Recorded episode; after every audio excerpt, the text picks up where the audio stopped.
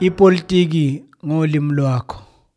Abendlovu enamandla enhla nasezansi ngiyabingelela. Igama ngiwuNhlanhla Mtaka umfowabo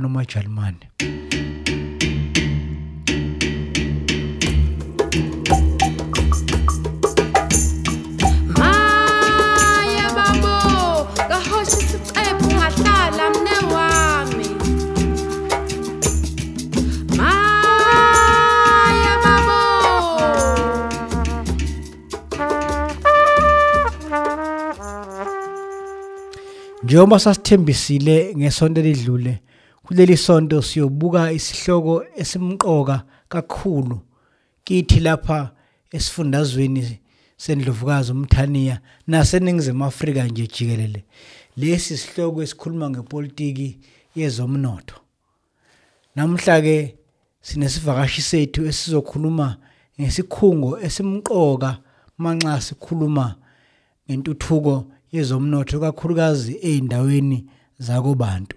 Lapha sikhuluma nesikhulu sethala esizoyibika ke bese singena odabeni ngenhloso yokuthi wena njengomlaleli wale podcast eh, uqonde kabanzi ngaluhlaka futhi uzenzele isinqumo sakho ngalokhu okwenzekayo kuso nasezweni sakhile.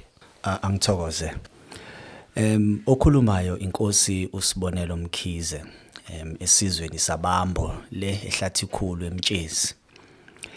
Ngiphinde ke ngibe usihlalo ongasho ukuthi usekela sihlalo kwamanje webhodi laseThala Sock Limited. Le kwakuthiwa yiThala Bank.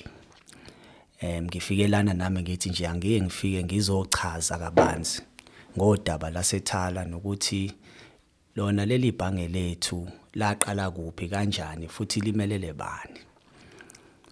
Kulonyaka ithala libe iminyaka ewu60 shuthi nje lasungulwa lisabizwa ngebantu Investment Corporation iBIC inhloso yalo mlaleli kwawukuthi likwazi ukuthi lilekelele abantu abamnyama eindaweni zasemakhaya.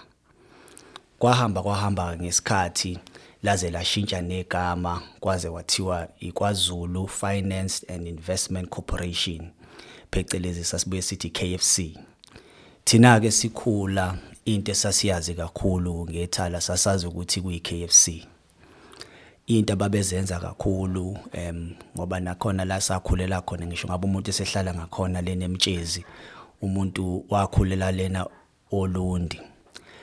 Abalaziyo ulunde kwakukhona ke indawo ke ekwakuyinxanxathela enkulu yezitolo kwakuthiwa ise Plaza ulundi Plaza ekwakuyikhona ke la abantu babekwazi khona ukuthi bangalokho begibela beyemadolobheni amakhulu njengompangeni noThekwini eh kodwa bakwazi ukuthi mabefuna amagross abasondele ngapha ngasemakhaya. Qhubeka futhi ke nakhona ulundi ke kuyidolobha futhi ngiyabona ukuthi kwezinye indawo futhi kwaze kwaba khona lokho ukuthi amalokishi amaningi abantu ababesebenzela uhulumeni eh njengonesi othisha nabomabhalane kwahamba isikhathi ithala laseselikwazi ukuthi ke libanikeze ke imali ukuthi ke bakhande imizi yabo. Mina nje mangikhuluma nje abazali bami nabo baziqhenya ukuthi hayi cha thina siqala nje ukuthola nje eh, imali inkece yasilekelela usikhanda umuzi wakini eh, ndodana sasiwuthole kwa KFC kuthe kuqhubeka ke kwashintshwa negama ke em iKFC yagcina isibiza sekusiwa iThala Development Finance Corporation. Kodwa ke ngoba manje thina siyi siyisakhiwo sasiphinde ngapha sikwazi ukubolekela osomabhizinisi imali ukuthi bakwazi ukuthi basebenze benze namabhizinisi abo. Futhi ngapha bese siyakwazi ukuthi ke siphinde sithole imali zabantu abantu bakwazi ukuthi babe nama account ibhange elikhulu ke phecelezi lekuthiwa iSouth African Reserve Bank yabe sifika ke ngo2000 ngonyaka. Yayisithi cha thala lento yeni ukuthi nihlanganisa imali enibolekayo nemali zabantu kungagcina sekunijiva sekunifaka einkingeni sicela ukuthi nibuye nikuhlukanise. Ilapho kwabe sekuhlukaniswa khona ukuthi ngapha kwase kuba khona isakhiwo ekwakuthiwa iThala Development Finance Corporation. Iyayinabantu balo abazosebenza khona ibe neboard ibe no CEO wakhona. Bese kuthi ngapha ke lekwakuthiwa iThala Bank kudala kube nakhona ke isakhiwo lesi sobe sesiphethe ke imali zabantu laba bazobe befika bezosifaka bathole ke nama account Sekuhamba isikhathi ke iReserve Bank yabuya ibuya ke yasithi kuthina ke kulungile ukuthi ke seniyakwazi ukwenza lokho. Kodwa ngoba ilicense yokuthi nikwazi ukusebenza njengebhange anikakayitholi nisasebenza nje manje phezulu kwemvume yethu esininikeza yona. Em sixhumene no ngqongqoshe lona wezimali uMinister of Finance sicela ukuthi ningabusakwazi ukuthi nizibize ngebhange.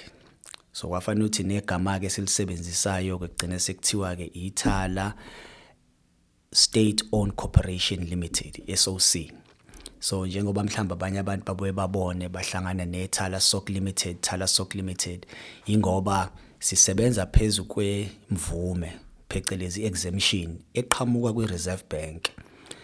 Basinikeza ke leyo exemption kodwa bese becela ukuthi ke siyanicela ke nani ke phela wethala ukuthi kube khona izinto enizenzayo ebhange khona sizokwazi ukuthi ngolunye usuku mase ni-apply senifuna yona ilicense nikwazi ukuyithola. Em thina kwamanje ke kusukela u2001 ke kwakuhamba isikhathi impela la ithala lalikwazi ukuthi likhande ngempela imali. Kodwa lesi sikhathi kakhulu futhi abantu abaningi abahola kakhulu kusasa sebehambile sebeyokwama amabhange em lithi lithe ukutsheka tsheka kancane nalo. Kodwa ke ngoba sona isakhiwo sekhona kusasebenzeka nabantu futhi sisanda kubaqasha manje abantu esibabonayo ukuthi bazokwazi ukuthi basithathe bayise basise phambili sikwazi nathi ukuthi sigcine sesiphumelelile. Njengamanje em si sebenzela phezulu kwe-exemption esanikezwa yi-Reserve Bank ngomhla ka-1 January 2020 base bethi kuthina sizonikeza le exemption ukuthi nikwazi ukuthi nisebenze njengebhange kodwa sizonikezela iminyaka emibili kuphela. Shuthi kuzothi mase kufika umhla ka-31 December 2021 lesi sivumelane lesi sinazo nalemvume sininikeza yena ukuthi nisebenze njengebhange izobe isiphelile. Kodwa into esidinga ukuthi niyenze kungakapheli lesi sivumelwano sicela ukuthi kushaya umhla ka30 June 2021 nibe senisifakile isicelo iapplication yokuthi nifuna ukube ne nelicense yebhanki Yilapho ke lathina ke sikhona ke kakhulu nomkhankaso wethu esiugijimisayo ukuthi sikwazi ukuthi kufike leso sikhathi sizizwe nathi ukuthi cha impela sizokwazi ukuphumelela. Ikhona ke imigomo abayibekile ke nabo ke beyibhange elikhulu ukuthi ke siyanicela ke wemadoda ukuthi ke phela ke akwekucace nakhona ukuthi abantu abasebenzayo lapha kakhulu lezi ikhundla lezi ezidingakalayo njengabo abaphathi abaphezulu o-CEO no-CFO no head of credit o compliance officer kanjalo kanjalo kube ikhundla lezi ezigcwaliswayo ngoba kulezi inyanga ezidlula impela kusukela unyaka odlule em kukhona uCEO wethu abesehambile. Kwaba khona nabantu abaningi abadingakalayo ukuthi babe khona kuyibhange babengekho shuthi ke yeyodwa ke into kwakufanele basho bathi gcwalisani lezi ikhundla sesibe nenhlanhla ukuthi nathi ke sathola ke uchwephesha ke wamabhangi em ukuthi angene kuyibhange asihole sizinhlangano udokotela uThulani Vilakazi oqale ngomhla ka1 kuSeptember. Em saba nenhlanhla futhi ukuthi ke cha impela umkhaya ngoba umuntu vele owazalelwa ngapha wazalelwa ngalena emophela wakhulela ngakhona wabe seqhubekele siyaphambili ke sesebenzela ngakogoli. Samheha impela sathi cha impela mphephethe sicela ukuthi usondele uzosilekelela. Nezinye ke ikhundla ke ade silokho siyithola sithola nabantu esibabonayo ukuthi bazokwazi ukuthi basilekelele ukuthi leli bhange leli silithathe la likhona liyaphambili sikhona ke lesi simo ke lesi sibhlungu ke senzekileke manje lo mkhuhlane lona ovesane wadlula kulo lonke izwe nomhlaba wonke uCovid. Yiwo ke ngempela othe ukuthi kusihlehlisa kancane ekuphumeleleni ukuthi izinto zethu zingakwazi ukuthi zisheshe ziqonde ngoba impela ubusubona ngonyaka odlule kusukela kakhulu ngoOctober kwaze kwaphela wona unyaka em wezimali uMarch wakulonyaka ukuthi izinto zethu impela bese siqondile kubonakala impela ukuthi siyibhange kukhona lana esiya khona. Into nakhona ke engiyiphakamisayo futhi ngoba ngise- ngisekhona kuleli thuba ukuthi kukhona neminye imibhalo esilokhu esiyibona ibhalwa la ibhalwa khona emaphepheni la egcina sifaka khona ithala kuba ngathi liseyinkingeni. Abanye abantu bethu abasithanda kakhulu abatshala imali zabo khona kuyibhange lethu abanye sebeyasaba ngoba balokho beza izinto ekuthiwa ngathi sizovalwa. Ngilana kakhulu ukuthi ngikwazi ukuthi ngilungise lokho. Akukho lana esesithole khona into echazayo nokuthi esazisayo ukuthi kufanele sivale. Iba buhlungu ke lento ngoba mhlambe kukhona abanye abantu nezinye izakhiwo mhlambe ezisabayo ukuthi ukuphumelela kwethu kuyokwenzakalani. Ngoba siyazi ukuthi kulesi sifundazwe sethu ithala leli sekwaba isakhiwo esaziwayo ukuthi kuyisakhiwo sabantu. Esithandwa kakhulu abantu. Manje nakhona nje ukugcizelela lokho ukuthi akukho lana esake sathola khona kuhulumeni akukho lana esake sathola khona kuyibhange elikhulu iReserve Bank ukuthi kufanele sivale. Kuba buhlungu ke ngoba phela ke izinto ezenzeka kanjena la abantu befika khona bezokhuluma ukuthi hayi laba kungenzeka ukuthi kugcina sekuthusa abantu. Ezinye izinto futhi ezenzakalayo ngoba kulamaviki nje adlule ngilokho ngihamba ngiyovakashela wona ama branch ethu ngiyobona ukuthi bona nabo abantu bakhona basebenza kanjani kuplan esingakwazi ukuthi ke thina siyibhodi sikwazi ukubalekelela khona. Uyezwa nakhona ukuthi cha bandla kuba khona lokho kusaba okukhona ukuthi hey mase kuthiwa ithala liyavalwa ngempela siyokwenza njani. Thina ke sisebenza ngaphakathi. Manje ke lapho ke nje kakhulu engicela nje ukuthi nje mlaleli la ukhona makukhona nawe ade befikile kuwena bezozama ukubuza ukuthi hayibo siyezwa ukuthi ithala alivalwe. Akukho lana kwakusho kwakusho khona ayikho incwadi esiyitholile futhi nathi asizimisele ukuthi sithathe leso sinqumo ukuthi livale ngoba leli bhange kakhulu siyalidinga ukuthi ligcine likwazile ukuyose- ukuyolekelela abantu abasemakhaya. Abantu abasemalokishini nabantu kakhulu ababonayo ukuthi bona bangafuna ukuthi bagcine bengenile babe nawo ama-akhawunti kodwa bese besaba ukuthi kwezinye iy'ndawo mhlambe imali abayoyikhokha khona igcine isibiza kakhulu. Bangasondela lapha kuthina ama-branch ethu agcwele isifundazwe sonke kakhulu ey'ndaweni zasemakhaya. Kulezi ndawo lezi amanye amabhange angahambi khona. Uma singabuza nje inkosi yesizwe ukuze siqonde ukuthi ububanzi bomsebenzi wenu bungakanani. Inkosi yesizwe ingase nabela yini ekuthenini mangaka amabhange noma izakhiwo zethala ezikhona lapha kule ndlovukazi umthaniya kulesi sifundazwe sethu em amabhange awu38 ama branch okwamanje amabhange engiwahambelayo ngasho ukuthi ama branch engiwahambelayo asengapha shuthi sinama regions abemathathu. Kukhona i-Midlands region shuthi lo kusuka ngapha komtshezi uthukela nangakhona ko ko- ko- koxopo. Eh bese kuba yilamabhange ke lawo kuthiwa i-coastal kakhulu itheku ke lelo ke em ekugcineni ke bese kuba ke i-region yokugcina kuthiwa i-northern region. Usuke usuhamba kusuka kondumo uye ko ko- kolundi ugcine lena kojozini thina kakhulu into esiziqhenya ngayo ukuthi ngisho ngabe mhlambe kukhona nakhona lana ekutsheka khona ezintweni ezincane kodwa ubudlelwane esinabo nabantu bethu nemphakathi yethu iyona into esenza ukuthi thina siyibhange esiphumelele uzwakala umkhulu umkamo wethala. Omnyuzo yibuza ukuthi awu emsebenzini omkhulu kangaka nodinga amava kwase kufakwa inkosi inalwazi lini ngalomsebenzi iyazini kambe ngebhange? Kulabo ungathini ungasivezela nithi inkosi le yesizwe phambi kwami igogode kangakanani kule ndaba ezithinta ibhange elinjengethala Hayi ngithokoze kakhulu mnguni. Cha mhlamba sike siqale nangakhona kwesipiliyoni ukuthi cha nami ngingakasithathi lesi sikhundla sobaba omkhulu abangiboleka sona. Ngike ngasebenza ngiphuma khona enyuvesi ngahamba ngosebenza le emangisini eLondon.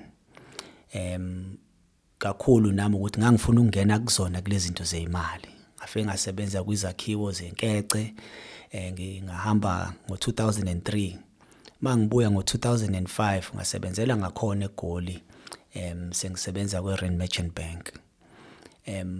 Kwakuyinto vele engangiyifisela mina ukuthi ngikwazi ukuthi kungena kuyona kodwa ke ngingakaboni kahle ukuthi ngolunye usuku kuyofanele ukuthi ngibuyele ngasemakhaya. La engadlula khona kule nyuvesi lena yangakithi i-University of Natal lesekuthiwa University of KwaZulu Natal eh ngafika ngenza khona iBcom ngase ngimajorisha kwi-economics. Em kuthe khamba isikhathi ke ngathola ke em no no no ne scholarship esingasibiza kanjalo ukuthi umuntu ahambe eyemelika eyokwenza icertificate sepublic police. Eh kukhona uhlelo laliqalwe wayemongameli lena eMelika uObama. Eh wathatha abantu lana ngo2014 wayesethi ayinike nihambeni niyolunguza ngadlula khona eUniversity of California Berkeley ke ngafike ngenza sona leso certificate em ulwazi lakhona leimali bekuyinto vele nami engisathanda ukuthi ngiqhubeke nayo futhi nakhona ngithathe sona lesi sipiliyoni nolwazi lami ukuthi ngikwazi ukuthi ngilekelele isizwe sakithi. Kuyacaca ukuthi impela akuthathangwa ufukwe nje. Kwathiwa kazobamba isikhundla esikhulu kangaka okunye sikuqaphelayo manxa sibuka umlando wenkosi siyaqaphela ukuthi ngisho isifunde kangaka yahamba ngisho amazwi kepha ayikhohliwe ekhaya ayikhohliwe ukuthi izalwapi nokuthi imele obani. Isagcile khona le eindaweni zakobantu. Em kwangisiza kakhulu futhi khona lokho ukuthi nje mngoni ngivesane ngehlisa umoya ngoba phela ke nathi sabafananyana sasiyitshela ukuthi hawu yonke into enzeke emadolobheni yikho sonke sajabula sagibela amabhanoyi namabhasi sayikhomba egoli. Futhi mhlawumbe umuntu angakusho nje ngoba uthe kukhothama ubaba ongizalayo eh kwathiwa wendoda buya uze ekhaya nasi isihlalo sakho. Hayi kwacaca impela ukuthi angakayimisele eh ngacela ubaba omncane ngacaba ubaba omncane awungibambele. Ngoba ngangayibona impela ngiyohlala ngaleni. Kodwa mase ngithi ngiyabheka manje sasikhona izathu futhi sisekhona namanje. Ngithi mangisuka leni ehlathi khulu ngiza ngapha eThekwini kungithatha 2 and a half hours. Kodwa ngiyavuka ekseni ngubamba umhlangano ngapha. Mangiqeda futhi ngishaya imoto ngibuyelele ekhaya. Ngoba into kakhulu ekufanele sifunde mhlambe nathi sabantu abamnyama ukuthi kuba lula ukukhulumela abantu obaholayo noma abantu ofuna ukuthi ubalekelele ngempilo zabo mawuhlala nabo. Ngeke ngigxeke ngithi hayi ngoba abane sebaphuma bahamba bohlala emadolobheni noma bahlala esilungwini cha angigxeki kodwa mina ngibona ukuthi ukuhlala kwami emakhaya kungisiza kakhulu ukuthi ngikhumbule futhi ngikhumbuze abanye ukuthi leli thala leli lalakhelwe bani. Hayi ukuthi siyahamba bese sibuye sikhohlwe. Ngivesane ngibone aba aba insizwa ezisebenza khona ngalena emakhaya uthola ukuthi nazo azazi nokuthi kufanele zenzeni. Ngoba ziyawufuna nalo 350 rand uqhamuka kwasasa usasa usethe cha abantu fanele beyothola ama account abazi nokuthi fanele baqale kuphi nendawo. Bese ngithi kubona hambani nethala ithala lizonilekelela ngoba nakhona nemali esike siyithatha kunina zincane kakhulu. Akufani. Namanye amabhanki Nkosi yesizwe kimi nakwabanye neqiniso abaningi kungamangaza ukuthi uma sithi isikhungo ithala sineminyaka engamashumi ayisithupha okusho ukuthi kukhona ulwazi oluyiminyaka engamashumi ayisithupha sekungamangaza ukuthi uma uhulumeni obusayo manje esekhuluma udaba noma isidingo sebhange lombuso yini pho angasakhuluma ngethala noma nethala athathisele kulo ngoba phela amaqhubu ethala angakha ngokwami ibhange elinamandla leli lohulumeni akhuluma ngalo. Ungathini wakho umbono kulokho? Uqinisile futhi lapho mnguni. Em ungabaza ke mhlambe nakhona ngiyocela ukuthi ngishiyele bona ke abaphathi beimali ukuthi mhlambe basichazele ukuthi indaba bengakwazi ukuthi basithembe thina.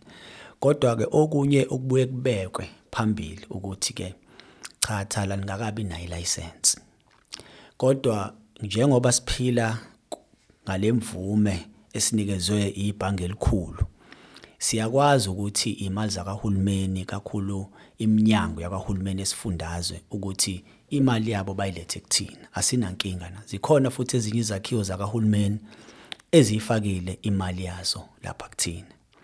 La efike siphambane khona ongeke ngisho ukuthi ukuphambana kodwa la imithetho ebuyisishayise khona ukuthi ke mawusuthi usubheka umthetho kakhulu wakamasipala phecelezi lekuthiwa i-Municipal Finance Management Act lo mthetho wakamasipala iwona osuke usukwazi ukuthi wazise umasipala ukuthi imali zabo bangayitshala kuphi. Lo mthetho ke wona ke awuvumeli umasipala ukuthi ufake imali noma utshale imali kwisakhiwo esingeyona i-commercial bank. Shuthi ibhange elikhulu esine license mhlawumbe siselapho nkosi yesizwe ungasikhanyisela yini umahluko phakathi kwethala kanye naleli bhangi eseliduma umhlaba wonke ngokudla imali zabantu eh la Sevenda iVBS ukuphi umahluko? Uma sithi uVBS waba namaphutha singadlulisela yini ekuthenini nethala lizoba namaphutha afana na VBS mhlawumbe ungasikhanyisela ukuthi kuhluke kanjani?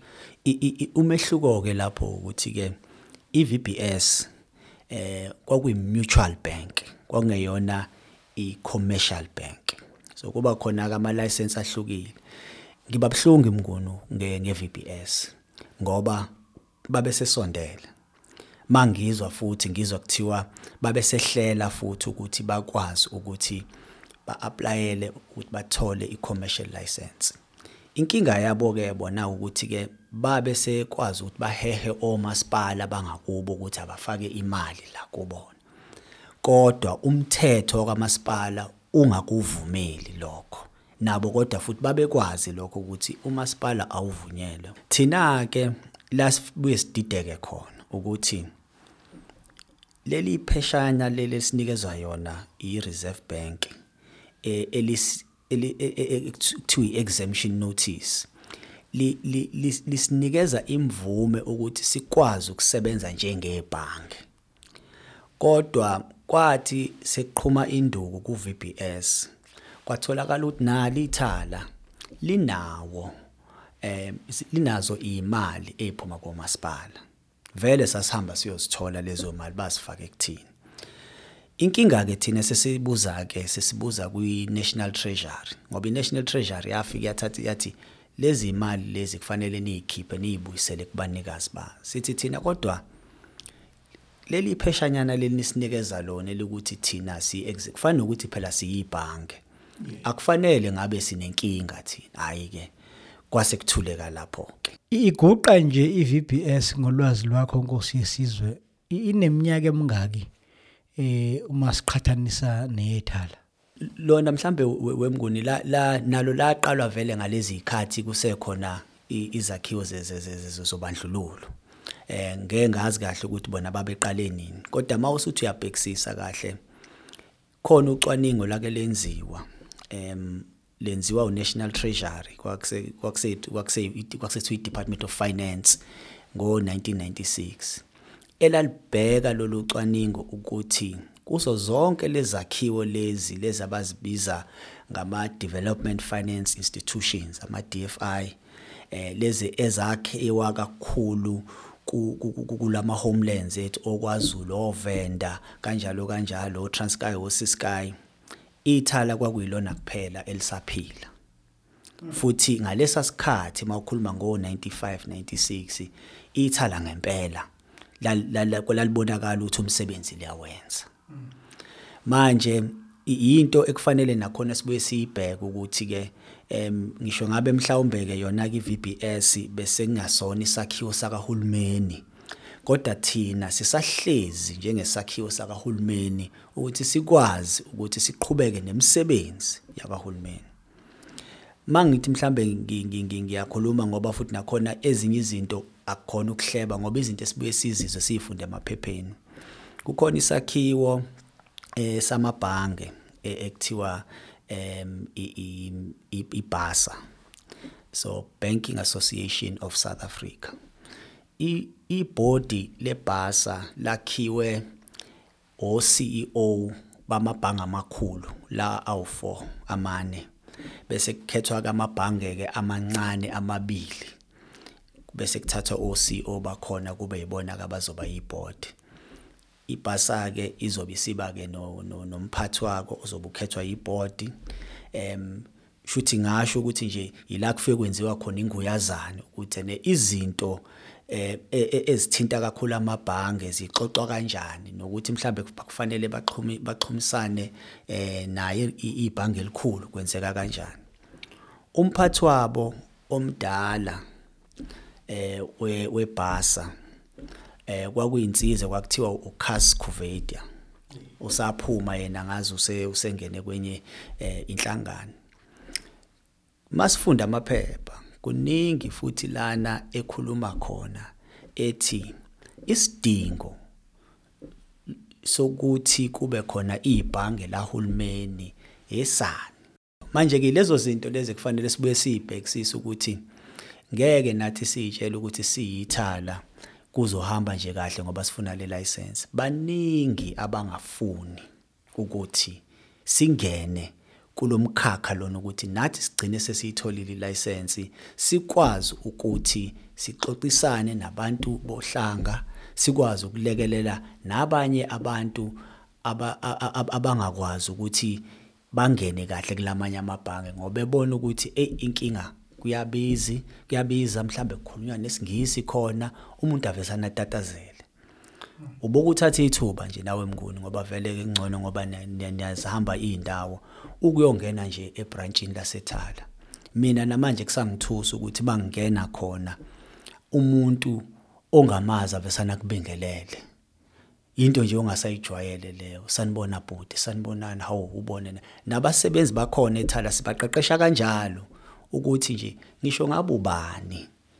Mhlawumbe omunye uzomkala ngamehlo ukuthi mhlawumbe akanamali noma yini asisebenzi kanjalo la ekhaya. Umuntu uyambingelela ngoba vele sakhuliswa kanjalo. Ithala ngokomlando belisebenzisana kakhulu nezinhlaka zobukhosi. Nokho kuleminyaka embalwa kukhona ukukhala kuthenini lobo budlelwana busabonakali khabazela ungathini ngalokho? Uma uliqiniso iwephi nokuthi ningakulungisa kanjani? Yabona nje em mangase ngichaze futhi nje ngisho nje kahle nje ngi- ngi- ngibe neqiniso mnguni. Ukuhamba kwesikhathi neminyaka edlule sakhohlwa ukuthi siyithala ukuthi sisakhiwo esani sokwenzani nobani. Sadideka ngoba phela manje inkinga yethu yaba khona ukuthi sagcine sesifana njengomuntu omthakathi unabo abantu bakhe kufanele ngabe lana uyabasebenza kodwa usubheka kwenye indawo ukuthi hayibo elinye ibhange lona le hayi nabo ngiyabafuna la. Hayi sagcina sidideke kanjalo. Into engisazoyihlela nosihlalo wendlu yamakhosi sifundazwe inkosi uChiliza umdunge ukuthi bengisalinde nje ukuthi uCEO angene.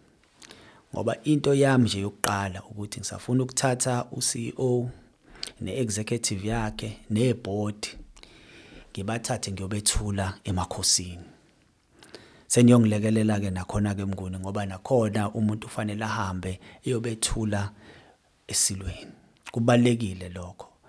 Ngokwenza lokho angisho futhi nakhona ukuthi ngiyobethula ngoba ukuthi babazi ukuthi bawobani siyoshweleza futhi. Ngoba masithi siyabhekisisa kule minyaka edlule azange sibaphathe kahle abantu bohlanga eindaweni zamakhosi. Kwezinye indawo uthi mawufika khona ubone impela ukuthi inkosi yayinawo amandla ukuthi angavumeli amanye amabhange ukuthi angene la asondele endaweni yayo. Kodwa ngoba ithala lalingabanakekeli abantu kukhona omama kwezinye indawo abadayisa lapha ngaphandle ethala bangakwazi ukuthi babafakele ama-shelter. Kwakuyiphutha elikhulu lelo. Ekufanele manje ukuthi sihambe semakhosini siyoshweleza ukuthi makhosi asendlunkulu lento esiyenzile nangendlela esiyiphathe ngakhona siyaxolisa. Sikwazi ukuthi ubudlelwane siphinde sibulungise. Sesikhulumile ekhabazela ngamabhangi. Sezwa umlando nezingqinamba ezikhona. Kodwa khona elinye ibhizinisi sonke sakhula nje sazi ukuthi ithala limandla kulo ibhizinisi lenqalasizinda yezakhiwo mahhovisi eh nezakhiwo la khona abantu babeba lamabhizinisi ongaba zitolo eh ungaba amabhusha njalo njalo Ni- nimisa kanjani kulokho ngoba ngokubuka izibalo kanjalo nomnotho waseningizimu Afrika kubuka ngathi ibhizinisi legidigidi lelo ungathi mhlawumbe umthala eh libuyela kuzo. Lezi gidigidi lisimame njengoba lifisa nje. Cha we- we- wemnguni umbuzo obuzayo ubaleke kakhulu.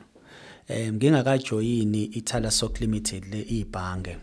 Bengihlezi futhi ngi ngi- ngiyi board member. Kumnikazi wethala ukuthi ithala development finance corporation.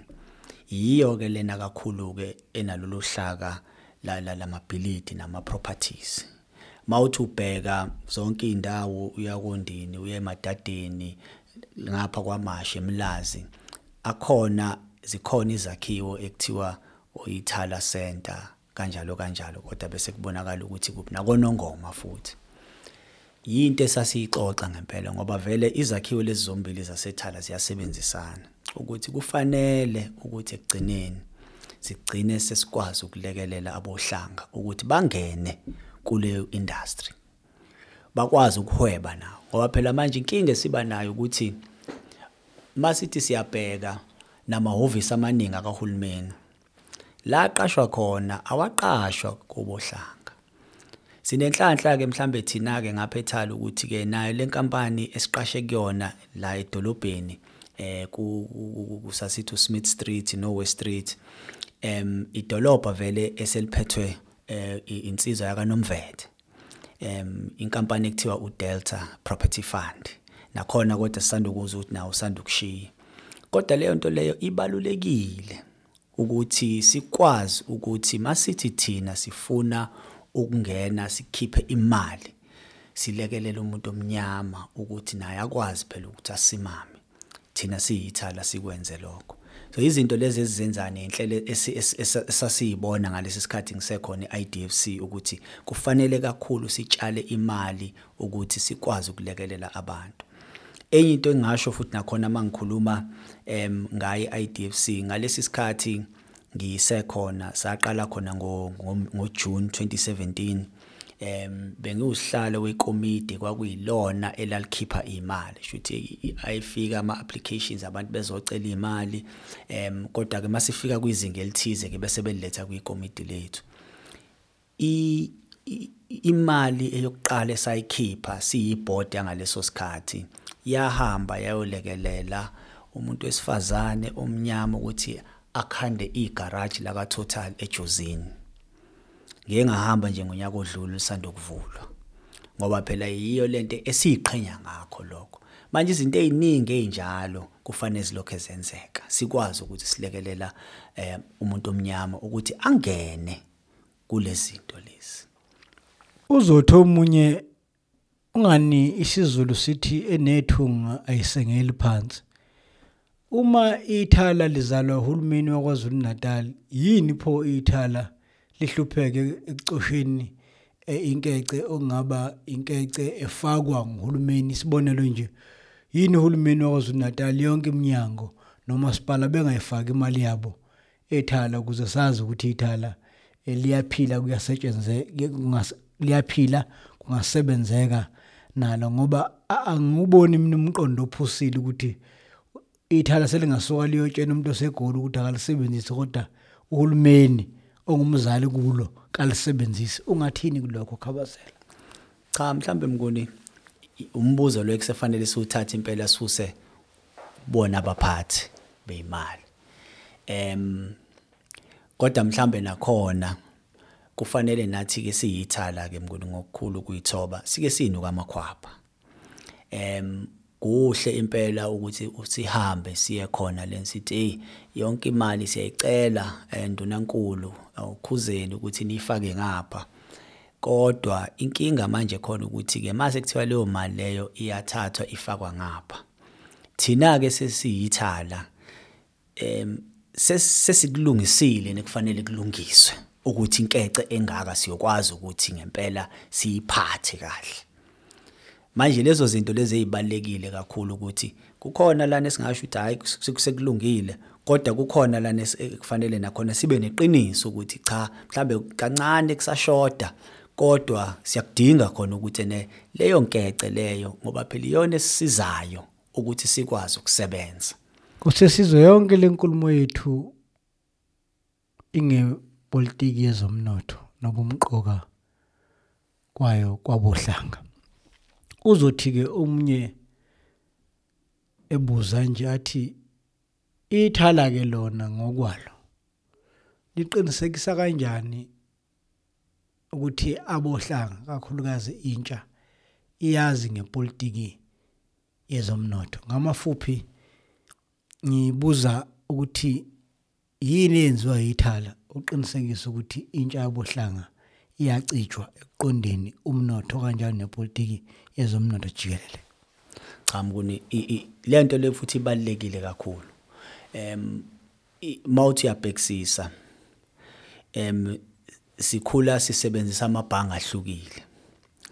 Futhi nakhona mawuthi ubheka isizathu ukuthi leli bhangi olisebenzisa manje hayi ukuthi wavuka wahamba wonke amabhangi lokhu ubheka ukuthi leni iyomalini. Nani ngesisikhathi uthola ukuthi wangena kulelo bhangi ngoba mhlambe umqashi wakho ebethe eh hamba uvula ibhange noma waletha umuntu wakulelo bhangi wathi vulani ama account ugcine nawe usuhlale kanjalo. Ngesisikhathi mhlambe kusuye ku abazali abakuvulisa iaccount usemncane ugcina ususebenze kanjalo kodwa ayikho into oyitholayo. Ithala kakhulu kuyintsha em izinto nakhona esayihlela eh nawo uCE esike siyixoxe uCEO wethu ukuthi kuzofanele ukuthi kube khona inhlelo la sikwazi ukufundisa khona abantu abancane ngemali. Si sinebhuku lapha ya ethala wemnguni. Leli bhuku abantu abaningi bagcina sebeyibuka ukuthi awu isidala. Angithi wonke umuntu manje usegijimela ukuthi yonke into ibe digital kube khona ama-app nani nani nani nani. Kodwa ngoba thina sazi kahle ukuthi ibhuku leli ila abantu abakwazi khona ukuthi bonge imali.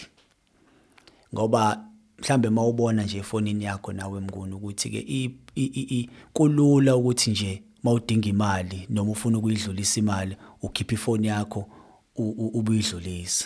Umuntu akucela imali eyawungiboleka into engaka nana. Kanti ibhuku liyakufundisa ukuthi ukwazi ukuthi ngempela uhle ngoba ayikho into eyi internet banking khona ayikho into ekuthiwa i-app khona. Kufanele ukuthi uma ufuna ukuyokhipha imali ebhukwini uvuke ekuseni uhambe ebranchini leyo product yethu lena yebhuku i-savings book into abantu abayithanda ngendlela ongakazi uyibona futhi sikufanele siyiqhenye ngayo. Ngithi mangikhuluma nabanye oza kwethu ngithi inkinga yethu kakhulu yasethala ukuthi kwahamba isikhathi la esaqala ukuba namahloni ngezinto ebekuyimpande zebhange lethu. Sibona abantu abaletha imali abaphuma kosasa noma izalukwazi zethu ezizohola lapha ya safuna ukuthi sibabukele phansi labo bantu ngoba sifuna omnguni abagqoka amashethi amhlophe afake noblom nestash kanti labo bantu laba ibona abantu bethu kufanele singababalekile mawusuthi usiyabhekisisa njengamanje amabhange lawo amakhulu ngoba kufike nje lo mkhuhlane kaCovid. Sebefuna ukungena kule labantu bethu la esasithi nayi kufanele singabanaki ngoba sasihalela abanye abantu ukuthi hayi sifuna labaya ngoba banezimali ezikanje kanje kanjena. Kanti nampa abantu bethu esibathandayo futhi esingafuni ukuthi sidukelane nabo. Intsha ke yona ke siyadinga nabo ngoba phela manje iqiniso lihle wemnguni. Ithala abantu basayibuka lesakhiwo sethu njengebhange labantu abadala. Manje thina ke sikumkhankaso ukuthi sikushintshe lokho. Njengayo nje le le lolu hlelo siba nalo kukhosi ukuthi sikwazi ukulekelela labantu laba abasafunda izikole abangazange balithole ithuba ukuthi bahlale nothisha baqede nesikole kahle hle. Yona ke le ithala platform leni sikwazi ukuthi silekelelane ngayo. Kodwa kakhulu abantu into ebahehayo ukuthi beze kuyibhange lakho ukuthi kukhona iproduct ethize abasuke befuna ukuyisebenzisa. Intsha yethu ke njengamanje ke mnguni ayisagijimi ezintweni eziningi bafuna ukuthi yonke into iyenzeke efonini. Uthi uvula ifoni yakho mnguni uzothola ukuthi mhlawumbe unama account uFNB uStandard Bank uAbsa uCapitec. Kodwa uzothola ukuthi wonke lawo account awudingi nokuthi usondele ebhange. Thina ke njengamanje sisenethala siyithala asikakabi nayo iApp.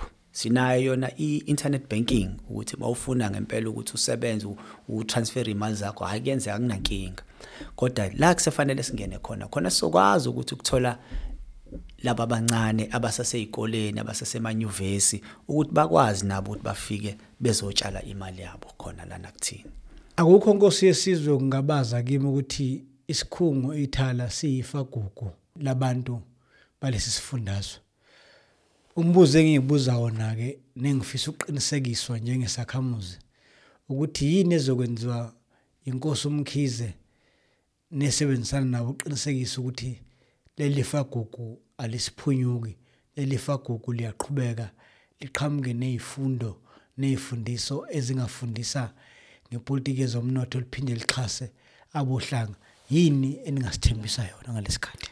Ngoni akekho umuntu owazi kangcono ukuthi abantu basemakhaya em badingani njengethala futhi lokho ngikusho nje ngiziqhenye.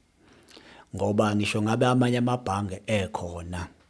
Ayengagxilile lapho futhi namanje awagxilile lapho. Abanye nje sebeyabathola abantu bethu ngoba ke nathi kwaba khona lana esibheka khona sagcina singaqondile kahle ukuthi sifuna ukwenzani. Kodwa ke thina siyibhodi no CEO neexecutive yakhe into esazi kahle ukuthi kuzofanele siyenze ukuthi kuzofanele siphinde sibuyele kulabantu laba abadukiswa ukuthi nathi asizazi ukuthi siyisilwane sini. Kwahamba isikhathi nathi siyithala sagcina nje sekuthiwa hayi sikhona kodwa singazi ukuthi singobani. Fanele abantu bethu sikwazi into nje yokuqala ekufanele siyenze.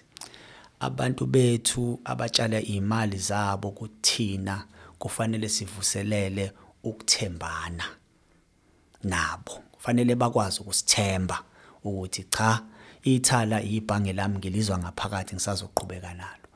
Abantu abasebenzelayo nabo siyadinga futhi usibanikeze leso siqiniseko ukuthi abantu esibahloniphayo nobuchwepheshe babo futhi siyabuhlonipha ngoba ngihamba nje ama branch ngiyabona bandla ukuthi hey abantu bayakudinga lokho ukuthi nje bake bathi awu bandla siyabonga. Kodwa ke okubalekile ngoba phela ke nakhona ke futhi ke mnguni umthetho wethu ngisho ngabe kuthiwa siyibhange lesifundazwe umthetho wethu uyasivumela ukuthi singene kwamanye ama province kwezinye ifundazwe iyona into nathi ke esisakwazi ukuthi ke sibhekisise ukuthi ke mangase sithi sifuna ukuya Eastern Cape noma sifuna ukuya eMpumalanga siyohamba kanjani? Ngoba fanele ukukhumbule ukuthi nakhona mhlambe mawufika khona banamabhange abo noma banezakhiwo zabo abayithembayo. Ngumzekelo nje mangase ngithi i-VBS ike yafika la kulesi sifundazwe sethu. Yathi fika futhi ayizange lokhu iyakude yave saniya lapha yayiduzane nebranch lethu lase Gardner Street yafika yayitshala khona lapho. Kodwa wawudlula khona kungekho umuntu ngoba okokuqala abantu babengayazi. Ukuthi isilwane sini lesi sesifike la? Kodwa kwesibili abantu bethu shuthi kusekhona lokho ukuthi basasithanda. iVBS cha impela eh kubhlungu ukuthi okwenzeka kubona kodwa mawuthi uyabhekisisa kahle bahluleka ukuthi bangene kulesi sifundazwe. Bona abafundi babe la eduzane ngoba befuna ukuthi bacaphune abantu bethu. Kodwa bahluleka.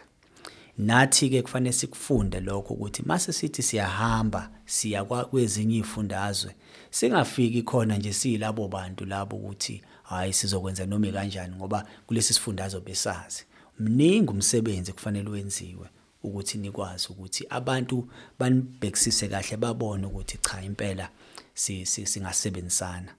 Sengiphetha ke nje futhi nakhona ke mhlambe mnguni.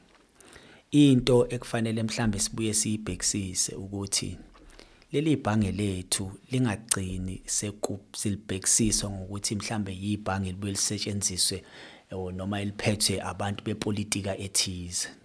Ibhange labantu bohlanga. Ukuthi kuyongena omunye ondunankulu noma omunye noma liphi iqembu into ebaluleke kakhulu ukuthi sicela ukuthi nabo abalaleli bazi kahle ukuthi leli bhange elabo. Akulona ibhange lepolitiki. Ukuthi kushintshileke kukhona abanye abakhona bepolitiki akuqondile ukuthi nalo ithala selizohamba li lishintsha ukuthi ubani ongenayo ngoba engeyona umuntu wepolitiki kanjani cha. Asisebenzi kanjalo futhi nakhona yinto esidinga ukuthi sigcizelele leyo kakhulu. Khona abantu bangalokho besaba ukuthi hayi leli bhange leli salibona lihamba nosibanibani iholo sibanibani shuthi. Mhlambe bekukhona isizathu mnguni ukuthi ke nami ngigcine ngihlezi njengosihlalo waleli waleli bhange ukuthi mhlambe ngikwazi nakhona ukuthi ke abantu ngibasondeze ngithi into yenu le. Mangathina sizokwazi ukuthi sikwazi ukuyeseka iyove sanifadala liphele indaba yayo angithokoze kakhulu mnguni.